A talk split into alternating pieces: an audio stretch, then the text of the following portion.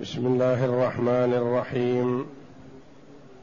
الحمد لله رب العالمين. والصلاة والسلام على نبينا محمد وعلى آله وصحبه أجمعين. وبعد. بسم الله. أعوذ بالله من الشيطان الرجيم. هو الذي ينزل على عبده آيات بينات ليخرجكم من الظلمات إلى النور. وإن الله بكم لرؤوف رحيم. وما لكم ألا تنفقوا في سبيل الله ولله ميراث السماوات والأرض لا يستوي منكم من أنفق من قبل الفتح وقاتل. أولئك أعظم درجة من الذين أنفقوا من بعد وقاتلوا. وكلا وعد الله الحسنى. والله بما تعملون خبير. من ذا الذي يقرض الله قرضا حسنا فيضاعفه له وله أجر كريم. هذه الآيات الكريمة من سورة الحديد. جاءت بعد قوله جل وعلا وما لكم لا تؤمنون بالله والرسول يدعوكم لتؤمنوا بربكم وقد أخذ ميثاقكم إن كنتم مؤمنين. هو الذي ينزل على عبده آيات بينات ليخرجكم من الظلمات إلى النور. الآيات. يمتن الله جل وعلا على عباده بقوله هو الذي ينزل على عبده آيات بينات ليخرجكم من الظلمات إلى النور. فتلك نعمة عظيمة. ارعوها وخذوا بما أتاكم به نبيكم صلى الله عليه وسلم. هو الذي ينزل على عبده آيات والمراد بعبده هنا هو محمد صلى الله عليه وسلم. وقد تقدم أن قلنا أن الله جل وعلا يذكر محمدا صلى الله عليه وسلم بصفة العبودية في أشرف المواطن. سبحان الذي أسرى بعبده ليلا من المسجد الحرام إلى المسجد الأقصى. الحمد لله الذي أنزل على عبده الكتاب ولم يجعل له عوجا. وأنه لما قام عبد الله يدعوه كادوا يكونون عليه لبدا.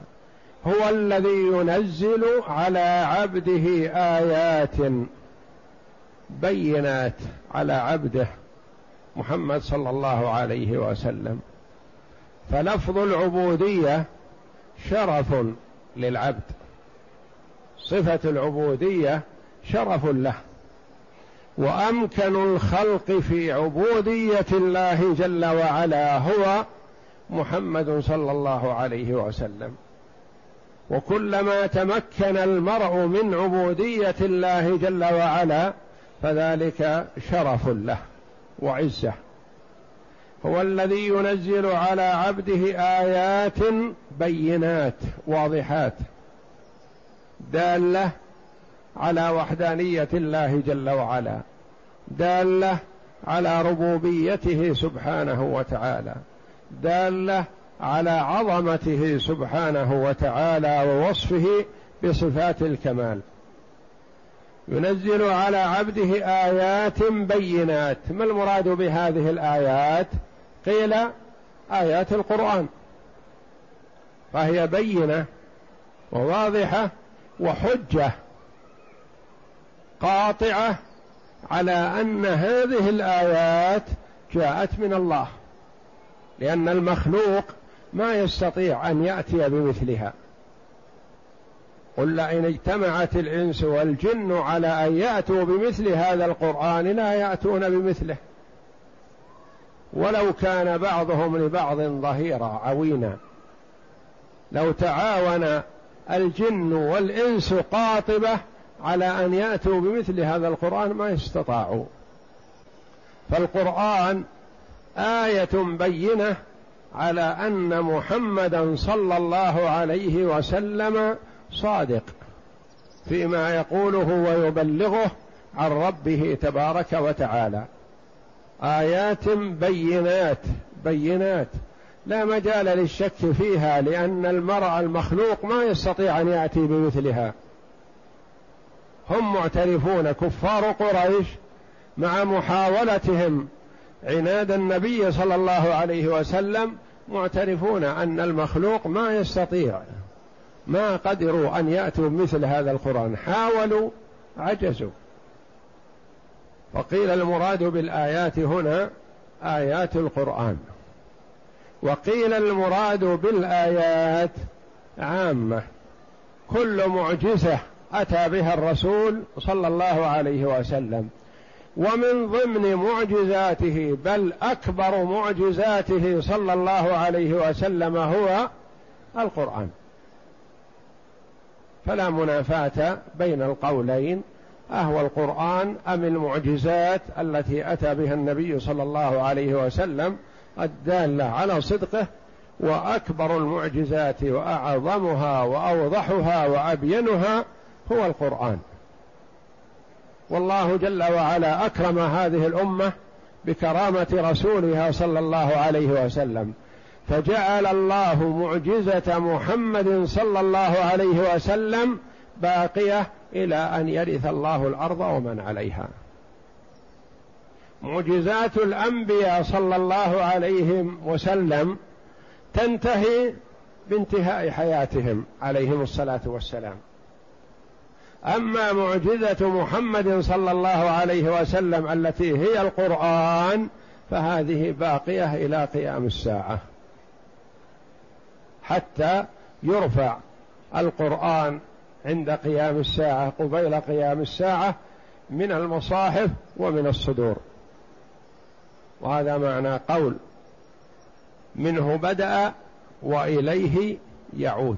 يعني بدأ القرآن من الله جل وعلا تكلم به وإليه يعود في آخر الزمان يرفع. هو الذي ينزل على عبده آيات بينات لماذا أنزلها جل وعلا؟ ليخرجكم من الظلمات إلى النور. ليخرجكم من ظلمات الجهل والشرك والضلال والحيرة إلى نور العلم والبصيرة والهدى والإيمان. المؤمن يعمل على بصيرة ويمشي في وضح النهار. والكافر والفاجر يتخبط في ظلمات الجهل. فالإيمان فيه الطمأنينة والراحة البدنية والقلبية.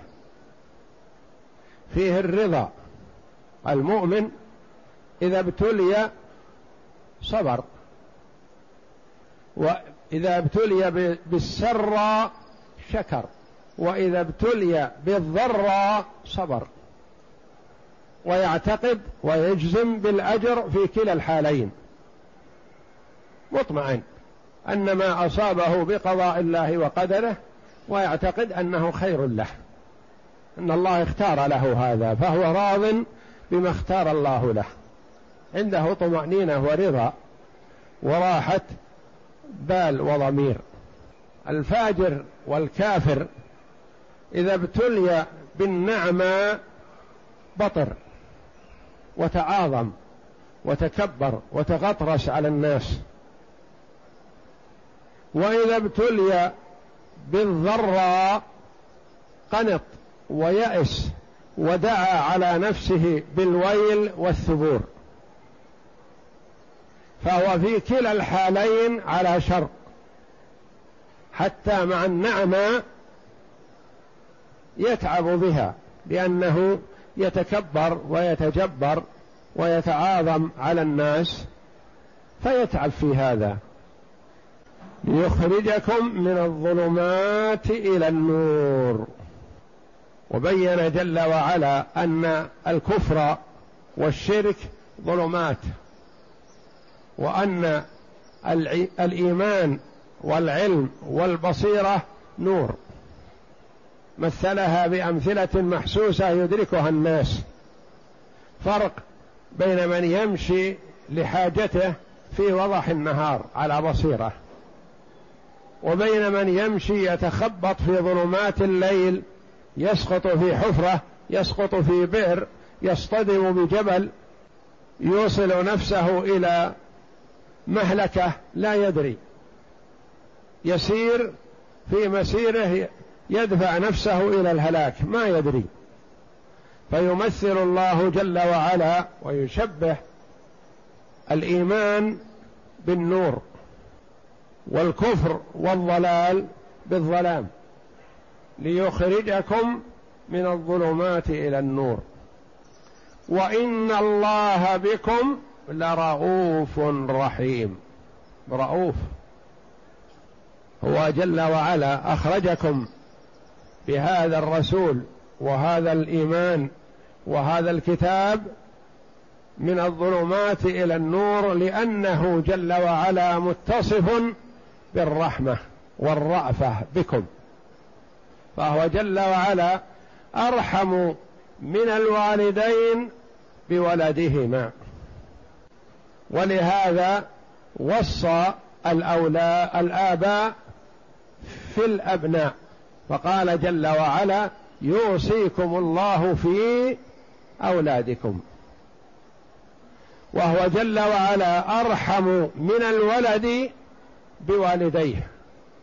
ولهذا وصى الأولاد بالوالدين في آيات كثيرة.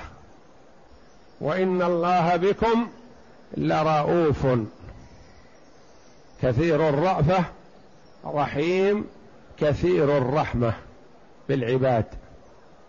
وهو جل وعلا موصوف بالرأفة والرحمة على ما يليق بجلاله وعظمته.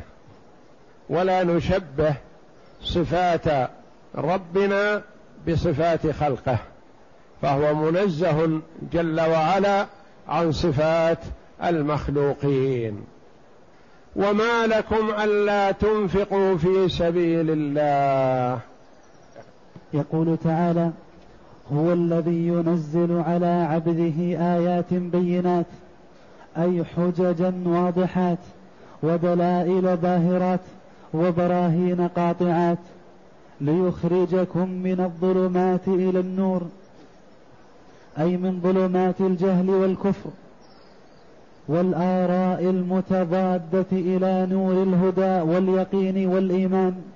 وإن الله بكم لرؤوف رحيم.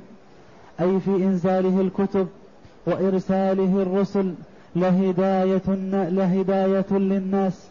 وإزاحة العلل وإزالة الشبهة. ولما أمرهم اولا بالإيمان والإنفاق ثم حثهم على الإيمان وبين أنه قد, أنه قد أزال عنهم موانعه. حثهم أيضا على الإنفاق فقال وما قال تعالى وما لكم ألا تنفقوا في سبيل الله. قال جل وعلا في الآيات السابقة آمنوا برسوله. آمنوا بالله ورسوله وأنفقوا أمر. ثم قال بعد هذا وما لكم لا تؤمنون بالله والرسول يدعوكم لتؤمنوا بربكم. ثم هنا قال وما لكم ألا تنفقوا في سبيل الله ولله ميراث السماوات والأرض. اولا أمر بالإيمان والإنفاق ثم حث على الإيمان وأكد ذلك وحرض عليه ولام على تركه ثم تابع مثل هذا في الإنفاق وما لكم ألا تنفقوا في سبيل الله ما لكم الأولى والأخيرة كلها إعرابها ما مبتدأ والجار والمجرور متعلق محذوف خبر. وما لكم. لا تؤمنون بالله والرسول في موضع الحال. وما لكم ألا تنفقوا في سبيل الله ولله ميراث السماوات والأرض في موضع النصب على الحال. وما لكم ألا تنفقوا في سبيل الله. أي شيء يمنعكم؟ ألا تريدون الخير لأنفسكم؟ ألا تريدون أن تنفذوا ما أمركم الله به؟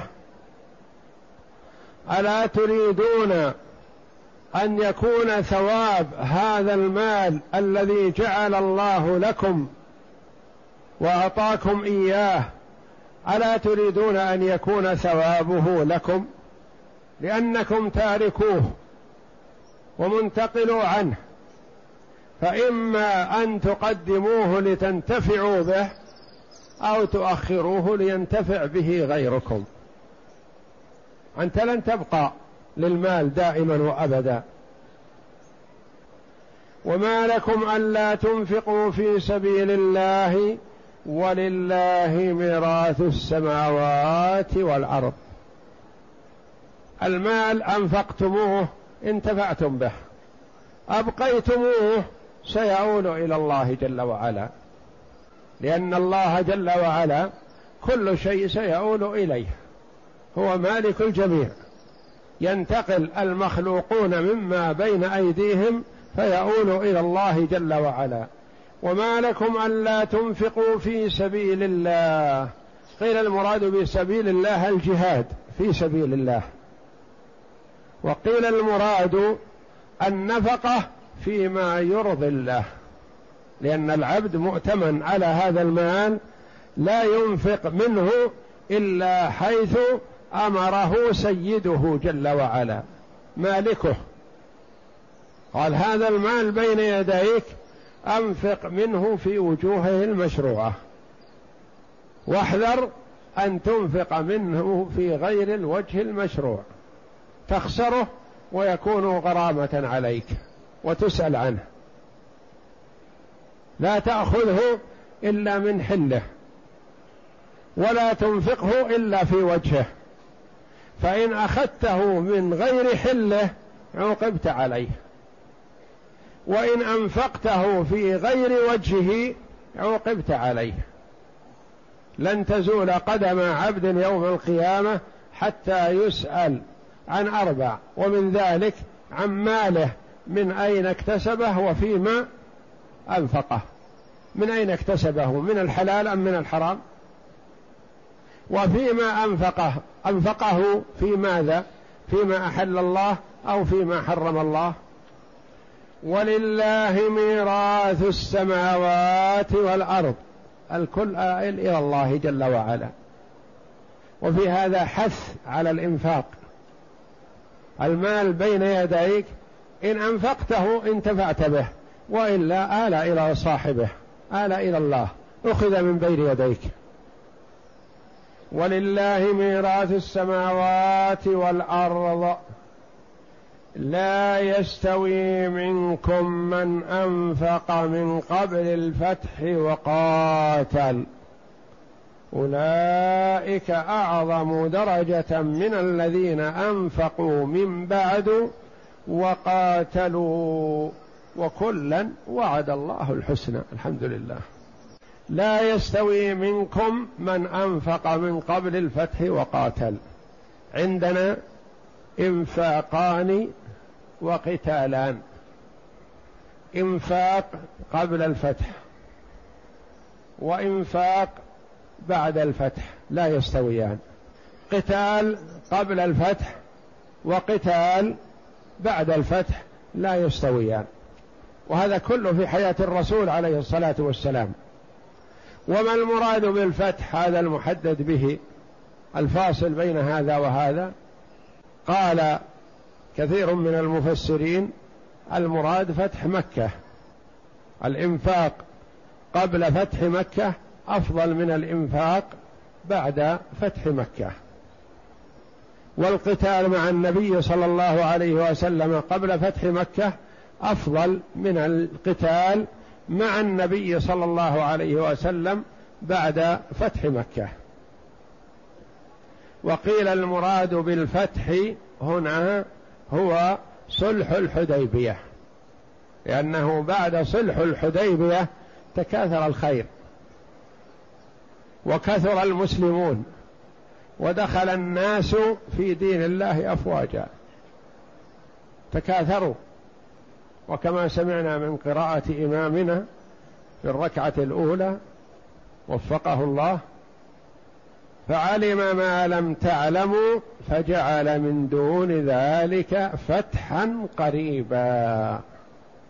سمى الله جل وعلا صلح الحديبية فتح قريب. هم هم جاءوا ليدخلوا مكة. وما بينهم وبين مكة إلا خطوات. فلم يرد الله دخولهم في هذه المرة ووعدهم بأنهم سيدخلونها. لا محالة وأعطاهم بشارة عظيمة بأنه سيكون فتح قبل ذلك قبل دخولكم مكة. فحصل صلح الحديبية وحصلت الخيرات بعد هذا. فقيل المراد بالفتح هنا صلح الحديبية. ولما لا يستوي هذا مع هذا والكل مع النبي صلى الله عليه وسلم؟ نعم. لأن المسلمين في الصدر الأول قبل صلح الحديبية وقبل فتح مكة وقبل فتح خيبر كانوا في شدة وضيق وفقر. فرق بين توجههم لبدر كان الثلاثة والأربعة يعتقبون بعير وكثير منهم يمشي فكانوا في ضيق وشدة. فالنفقة في ذلك الوقت أعظم بكثير. من ما بعد هذا. وكذلك من قاتل. العدد قليل. والخوف شديد. لأنهم يقابلون أعداء أكثر منهم في العدد وأكثر منهم في العدة وأقوى منهم. فعندهم من الخوف والوجل الشيء العظيم لكن إيمانا بالله يخرجون ويقاتلون. مع ما هم فيه من الضيق والجوع والحاجة وعدم المال والعتاد. فلذا كان من أنفق في ذلك الوقت ومن قاتل في ذلك الوقت الأول أعظم بكثير ممن قاتل وأنفق بعد توفر الخيرات. ولذا كان الإنفاق من المحتاج لهذه النفقة أعظم أجرا عند الله جل وعلا من المنفق عن سعة. يؤثرون على أنفسهم ولو كان بهم خصاصة. ينفق المال وهو في حاجة إليه ابتغاء ثواب الله. هذا وإن قلت نفقته فثوابه أعظم. ممن ينفق عن سعة ويسر. ولذا فضل النبي صلى الله عليه وسلم أوائل الصحابة الذين أسلموا في صدر الإسلام على من أسلم قبيل فتح مكة وبعد فتح مكة. وقال عليه الصلاة والسلام للصحابة وهم الصحابة كلهم لما حصل بين خالد بن الوليد وعبد الرحمن بن عوف رضي الله عنهما شيء من المجادلة في أمر من الأمور في أمور الغزو والجهاد في سبيل الله. كلاهما في الغزو. وخالد بن الوليد رضي الله عنه هو القائد. وعبد الرحمن بن عوف رضي الله عنه أحد العشرة المبشرين بالجنة. فهو مع العشرة المفضلين رضي الله عنهم أجمعين. فقال خالد رضي الله عنه تستطيلون علينا بأيام سبقتمونا بها. يقوله خالد لعبد الرحمن بن عوف لأن عبد الرحمن من من المسلمين الأوائل رضي الله عنهم. وخالد أسلم قبيل فتح مكة رضي الله عنه. وكان قائد من قادات من قادة المشركين ضد النبي صلى الله عليه وسلم في أول أمره. فقال خالد لعبد الرحمن بن عوف تستطيلون علينا يعني الأولين مثل عبد الرحمن بن عوف. علينا بأيام سبقتمونا بها وحق لهم ذلك رضي الله عنهم. فبلغ النبي صلى الله عليه وسلم ذلك فقال دعوا لي أصحابي. يعني الأوائل. فوالذي نفسي بيده لو أنفقتم مثل أحد أو مثل الجبال ذهبا ما بلغتم أعمالهم. وهذا في حق خالد وهو من الصحابة رضي الله عنهم. لكن النبي صلى الله عليه وسلم يفضل من أسلم قبل على من أسلم بعد. وعن ابن عباس رضي الله عنهما أن النبي صلى الله عليه وسلم قال لا تسبوا أصحابي فوالذي نفس محمد بيده. لو أن أحدكم أنفق مثل أحد ذهبا ما أدرك مد أحدهم ولا نصيفه. لو أنفق المتأخر مثل أحد ذهب ما وازنت وما عادلت نفقته هذه من أنفق مد فقط. ولا نصف المد من الصدر الأول الأوائل. لأنهم أنفقوا رضي الله عنهم عن حاجة وفقر. وبذلوا أنفسهم رخيصة في سبيل الله لإعلاء كلمة الله. فهم ما أعطوا عن قدرة وعن غنى يعطي الواحد منهم ما يعطي وهو في أمس الحاجة إلى ما بين يديه لكن يؤثر به غيره. يعطيه ويربط على بطنه الحجر من الجوع رضي الله عنهم. وفي لفظ ما بلغ مد أحدهم ولا نصيفه.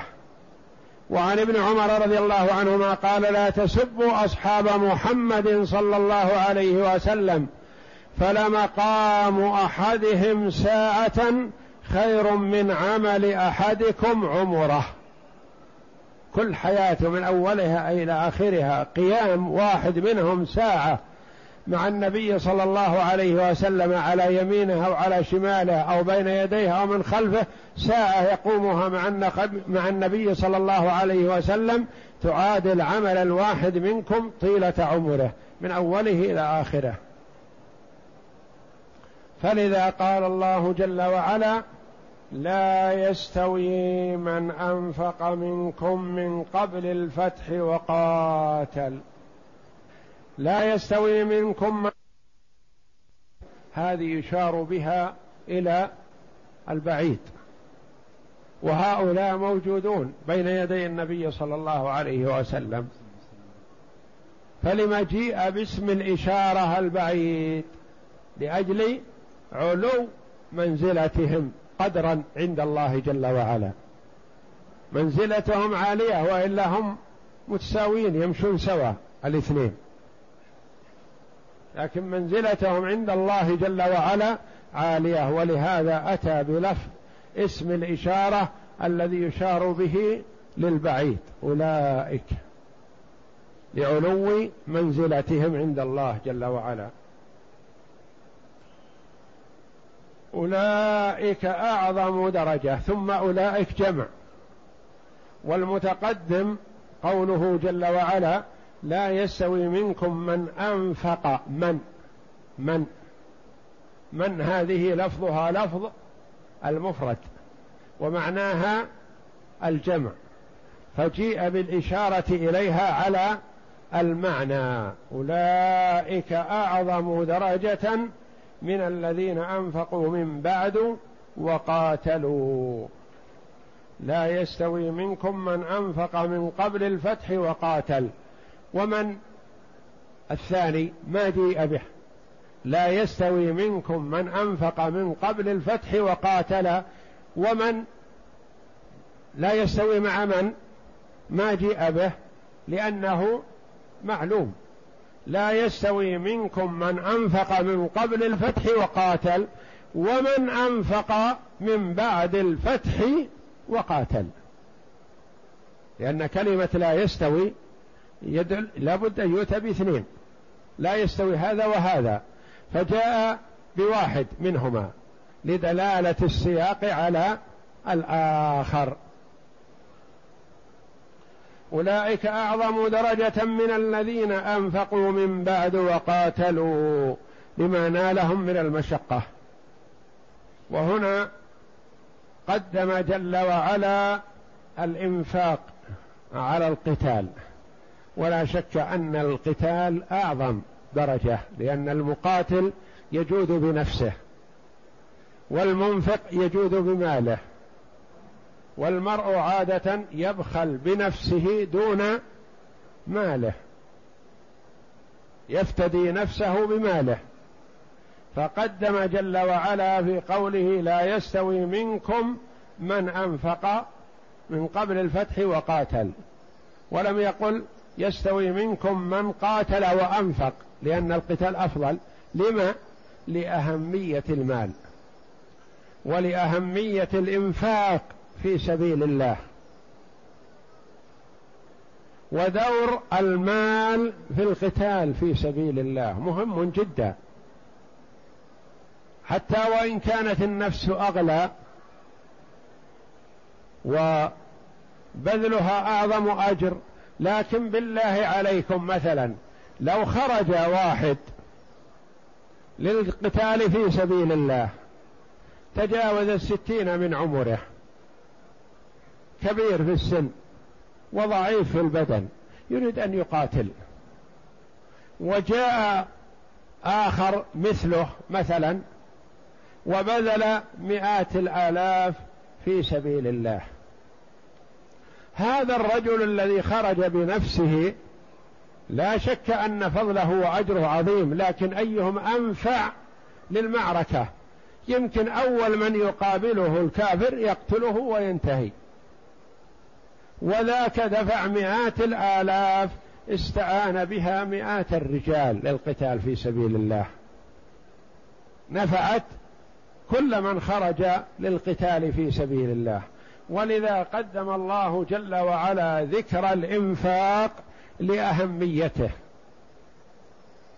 وقد يكون الإنفاق أحيانا كما هو في كثير من الأوقات إذا تقابل الجيشان المسلمون والكفار مثلا والمسلم مثلا ما تعود القتال ولم ينشأ عليه من الصغر وإنما أراد أن يقاتل بعدما تقدمت به السن. لو بقي وأرسل ما يملك أو بعض ما يملك من المال لإخوانه المجاهدين في سبيل الله الذين تعودوا على الجهاد ونشأوا عليه ونشأوا على قتال الكفار وتعلموا الكر والفر والفتك بالأعداء لكان ماله أنفع. ماله أنفع للمجاهدين وأنفع للمعركة وأنفع في إعزاز وإعلاء كلمة الله. فلذا قدم الله جل وعلا في كثير من الآيات ذكر المال على الجهاد بالنفس. فحري بالمسلم إذا لم يتيسر له الجهاد بنفسه أن يبذل من ماله لإخوانه المجاهدين في سبيل الله. وهم اليوم في أمس الحاجة لأنها تكالبت عليهم الاعداء من كل جهة فإذا لم يفزع لهم إخوانهم المسلمون بأموالهم قبل أنفسهم فإنهم سيسقطون غنيمة بأيدي الكفار. فالواجب على المسلم أن يبادر في نصرة إخوانه المسلمين بما يستطيعه من مال وما أنفقه للجهاد في سبيل الله فإن الله جل وعلا سيعجله له في الدنيا مع ما يدخره له في الدار الآخرة. ما يضيع عند الله. ينفق ثم يأتيه بإذن الله.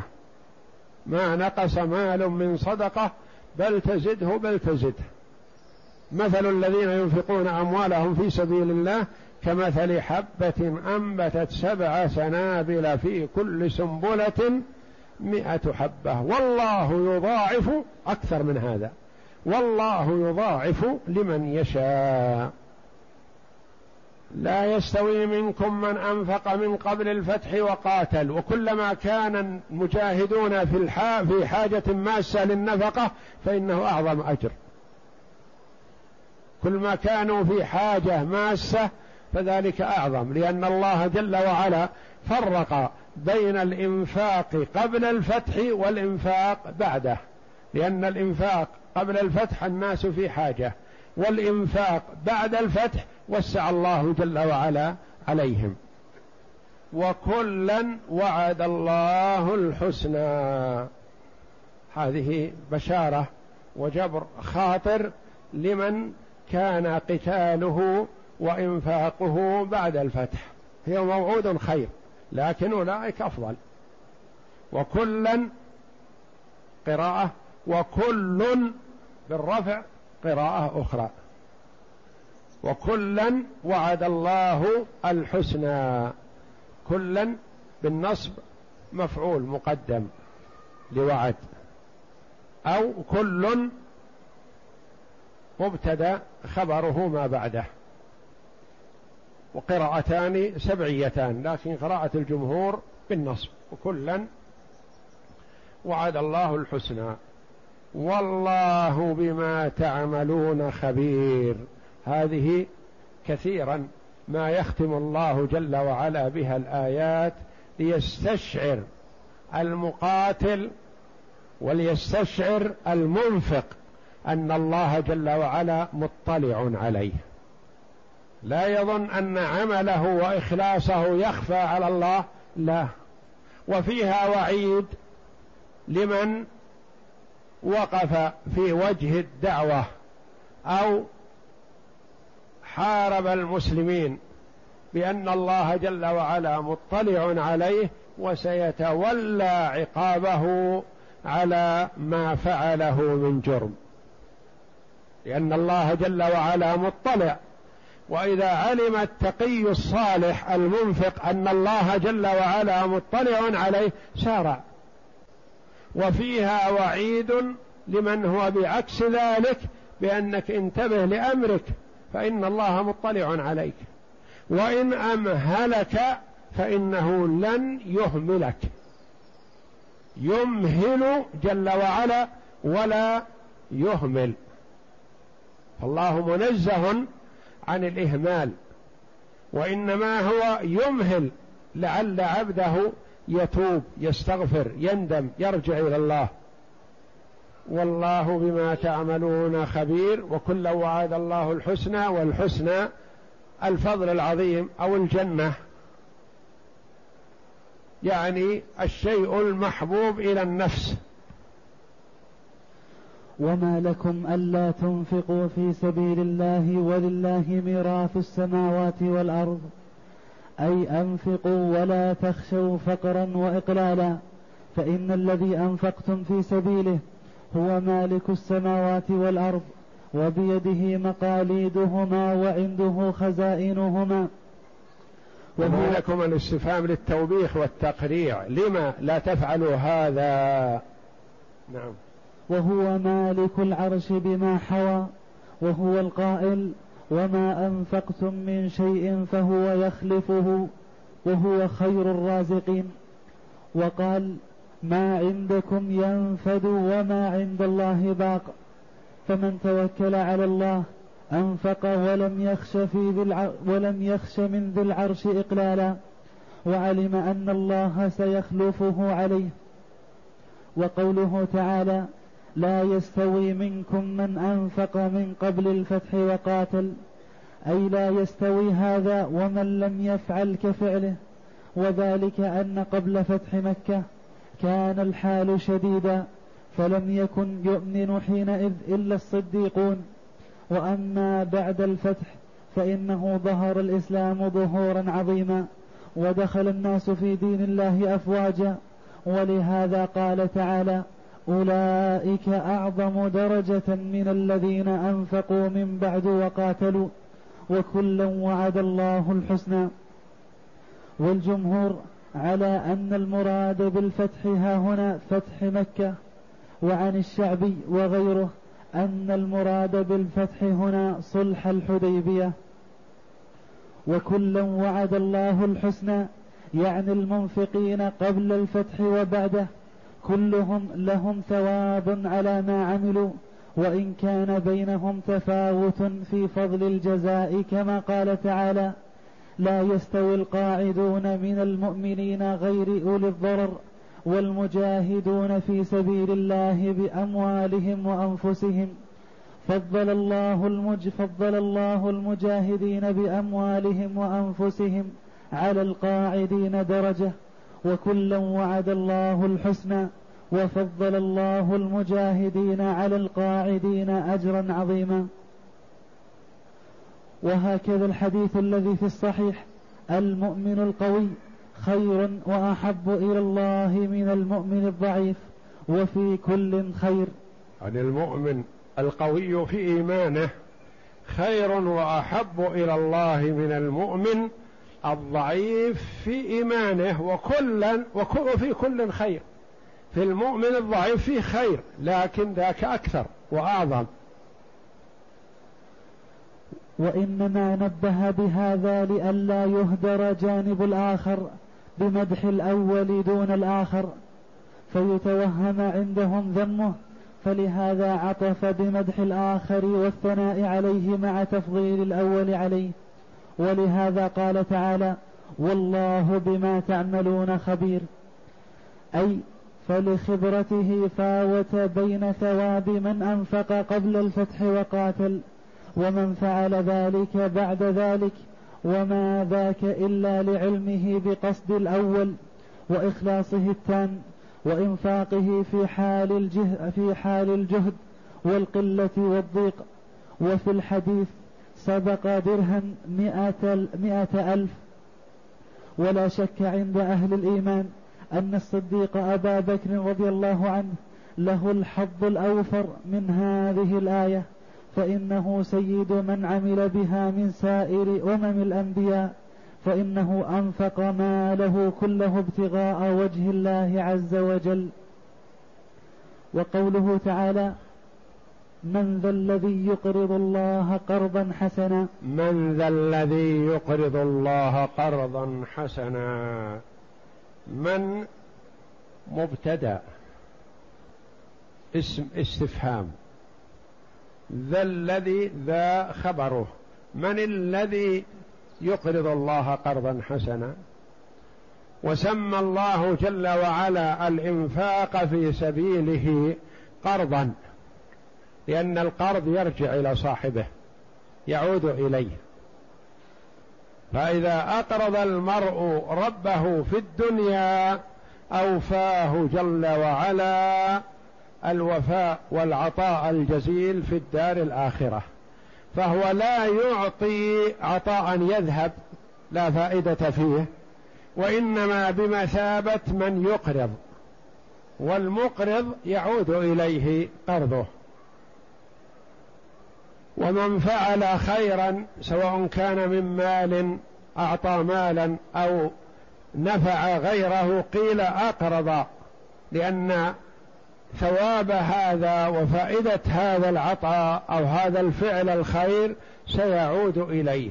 يقول الله من ذا الذي يقرض الله قرضا حسنا؟ في قرض حسن وقرض ليس بحسن. القرض الحسن هو السالم من الرياء. القرض الحسن هو السالم من المنة. ما يتمنن بعطائه يعطي لله جل وعلا اخلاصا لله لا رياء ولا سمعة. ويحاول أن يكون بينه وبين من يتعامل معه فقط. لا يطلع الناس على هذا فيدخله الرياء. أو يحب المدح من الناس أو نحو ذلك وإنما هو أعطى لله والله جل وعلا مطلع. من ذا الذي يقرض من؟ يقرض الله قرضا حسنا. يقول الله جل وعلا ثواب هذا القرض الحسن ما هو؟ فيضاعفه له أضعافا كثيرة. من ذا الذي يقرض الله قرضا حسنا فيضاعفه له. يضاعفه له يكرره جل وعلا. كما قال النبي صلى الله عليه وسلم للرجل الذي جاء بناقة مخطومة قال لك بها سبعمائة ناقة مخطومة في الجنة. الواحدة بسبعمائة. والله جل وعلا يقول مثل الذين ينفقون أموالهم في سبيل الله كمثل حبة أنبتت سبع سنابل في كل سنبلة مئة حبة. زيادة على هذا والله يضاعف لمن يشاء. فقد تكون الحسنة بعشر أمثالها فقط. وقد تكون بسبعمائة ضعف وقد تكون بأكثر وأكثر. وقد لا يدخل المضاعفة عد ولا حصر. يعطى بغير عد ولا حصر كما قال الله جل وعلا إنما يوفى الصابرون أجرهم بغير حساب. ما يحسب لهم حساب يعطون عطاء جزيلا. من ذا الذي يقرض الله قرضا حسنا فما هي النتيجة؟ فيضاعفه له. وله أجر كريم له ثواب عظيم فوق هذا. يضاعف له ما أعطى ويعطيه أكثر من ذلك. والله أعلم. وصلى الله وسلم وبارك على عبده ورسول نبينا محمد وعلى آله وصحبه أجمعين.